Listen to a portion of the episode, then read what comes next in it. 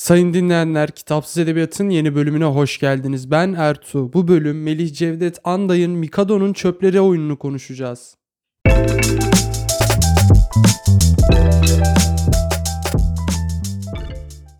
Yine koskoca bir hafta geçti ve yeni bölümle sizlerleyim. Umarım bu bir haftalık süreçte hayatınız gayet yolunda gitmiştir. İstediğiniz her şey olmuştur.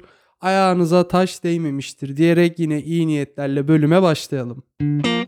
Bu bölüm ilk defa olarak bir oyunu, bir oyunun kendisini inceleyeceğiz ve bu oyunda benim çok sevdiğim bir yazar olan Melih Cevdet Anday'ın Mikado'nun Çöpleri oyunu. Ki kitapsız edebiyatta herhalde 100 bölüm boyunca Melih Cevdet Anday'ın eserlerini inceleyebiliriz. Çünkü kendisi oldukça yetkin ve birçok yazın alanında da eser vermiş yazarlarımızdan birisidir. Fakat kıymeti bilinmez. Kendisi garip akımının yaratıcılarından ve temsilcilerinden biridir ayrıca. Şair arkadaşlarıyla beraber yani Orhan Veli, Oktay Rıfat'la beraber Türk Edebiyatı'na yeni bir soluk getiren garip akımını yaratmıştır. Fakat Orhan Veli'nin şöhreti ve yeteneği öyle yerlere gitmiştir ki bugün Oktay Rıfat ve Melih Cevdet hemen hemen hatırlanmayan yazarlarımızdan birisi ki bence bu da oldukça kötü bir durum. Oktay Rıfat hakkında evet benim de çok bir bilgim yok. Fakat Melih Cevdet o kadar üretken bir yazar ki edebiyatın her alanında onun yazılarından, eserlerinden faydalanabilirsiniz ki. Daha öncesinde Melih Cevdet'in biyografisini de yapmıştık kitapsız edebiyatta. Orada söylemiştim yine söyleyeyim.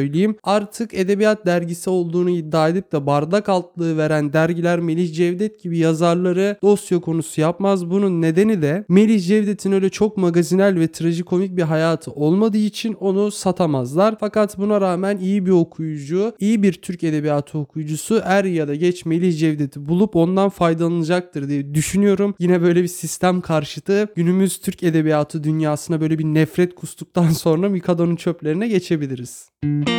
Mikado'nun çöpleri iki kişilik bir oyundur ve bir kış gecesi geçer. Sabahın ikisinde bir evde ilk kez karşı karşıya oturan ve ilk kez tanışmış olan kadın ve erkeğin şafağa konuşmasıdır oyun ki YouTube'dan da Mikado'nun çöplerini sahnedeki haliyle izleyebilir ve bunu da deneyimleyebilirsiniz ki bence bu da oldukça büyük bir avantaj. Bunun haricinde mekan olarak da konuşma yalnızca bir odada geçiyor. Erkek eve dönerken soğukta, karda, kışta kadını kucağında yavrusuyla görüyor ve ona yardımcı olmak istiyor. Daha sonrasında erkeğin evine geldiklerinden sonra zaten oyun tam anlamıyla başlıyor. Ve burada da kadın ve erkeğin aslında kendilerini topluma bakış açısını ve hayata bakış açısını anlıyorsunuz. Mikado'nun çöpleri de gerçekten bir oyun. Fakat bunu oynayabilir miyiz günümüz dünyasında veya bu oyunun materyallerini bulabilir miyiz? Orası ayrı mesele ama bu diyalogla beraber iki insanın, iki farklı hayat yaşamış insanın dünyaya bakış açılarını öğreniyorsunuz ki bu oldukça önemlidir. Mesela oyundaki erkek karakteri sağduyu, düşünselliği, bağımsızlığı, baş kaldırıyı, kendine yeterliliği temsil ederken kadın karakter daha yumuşak, daha sağduyulu, daha akla dayanan ve güç odaklı olarak ifade edilmiş. Buradan ikisinin de konuşmasıyla beraber bu iki karakterin de aslında hayatlarında yaşadıkları fakat kendine yakıştıramadıkları şeyleri de başka arkadaşları yaşamış gibi aktarması da bence oldukça dikkate değer ki bu günümüzde hala hazırda benim veya sizin de yaptığını düşündüğümüz eylemlerden biridir. Yani utanılacak veya sıkılacak bir olay yaşadığımızda veya bir hata yaptığımızda bunu insanlara aktarırken daha çok ya benim bir arkadaşım vardı şöyle şöyle yaptı şöyle şöyle oldu diye anlatmak aslında bizim de vicdani olarak bir rahatlığımız ve bu yükü dolaylı olarak üstümüzden atmamızı sağlayan tekniklerden biri ki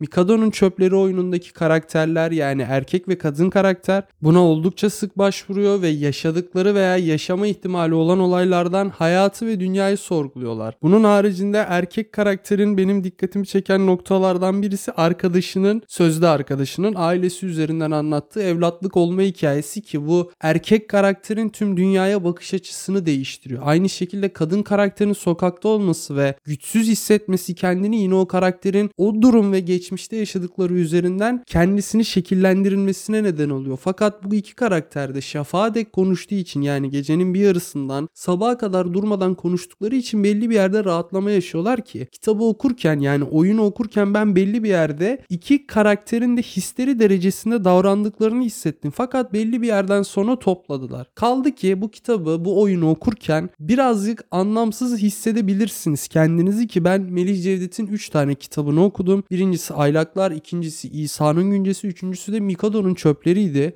Bu üç metinde de daha çok aslında İsa'nın güncesi ve Mikado'nun çöplerinde de çok savruldum. Yani ne okuyorum dedim, ne oluyor dedim. Hiçbir şey anlamadığım anlar oldu ki anladığım kadarıyla Melih Cevdet bunu başarıyor. Çünkü her iki kitapta da İsa'nın güncesi ve Mikado'nun çöplerinde de bu hissi verdikten sonra ve kitabı bitirip de üstüne biraz düşünmeye başladıktan sonra taşlar yerine oturmaya başlıyor. Aylaklar bu kadar karmaşık ve insanı sorgulatan bir kitap değildi bana kalırsa. Çok daha çizgisel, çok daha kurgusal ve çok daha anlaşılırken özellikle İsa'nın güncesi insanı bir oradan oraya bir oradan oraya savurup duvardan duvara vuran bir metindi. Buna göre Mikado'nun çöpleri yine okuması daha kolaydı ki alt metinleri olan bir kitaptı. Bu kitabı okuduktan sonra da hakkında makalelere ve incelemelere de bakmanızı tavsiye ederim ki bu bölümde birazcık buna teşvik etmek ve sizi bu oyunu okutmak amacıyla kaydedildi. Kesinlikle işte oyunun çok derinlerine inecek kadar yetkinliğe sahip olduğumu düşünmüyorum. Fakat oyunu okuduktan sonra üzerine incelemeler de okursanız ve bu bölümü de dinlerseniz oyunun kafanızda oturmasına katkıda bulunacağını umut ediyorum ki bu bölümü de bu amaçla yapıyorum. Bir diğer yandan aslında